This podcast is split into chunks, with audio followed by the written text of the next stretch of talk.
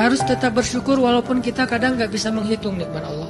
Karena emang nggak mungkin menghitung nikmat Allah. Gampangnya misalnya coba aja ada nggak kita yang bisa ngitung jumlah tetes air ketika turun hujan? Itu aja nggak sanggup, apalagi nikmat-nikmat yang lebih besar. Jadi tetap walaupun kita nggak sadar nikmat Allah apa, tapi kita pakainya bukan cuma dengan logika.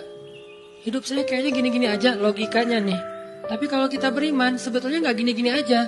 Hidup kita tuh harusnya lebih parah dari ini nih. Hidup kita tuh harusnya banyak masalah. Cuman sebagian besar masalah udah Allah hindarkan. Udah Allah selamatkan kita dari masalah-masalah itu. Cuman dikasih sebagian kecil sebagai pengingat buat kita. Kadang-kadang kalau nggak dikasih masalah sama sekali kita suka jauh dari Allah. Jauh dari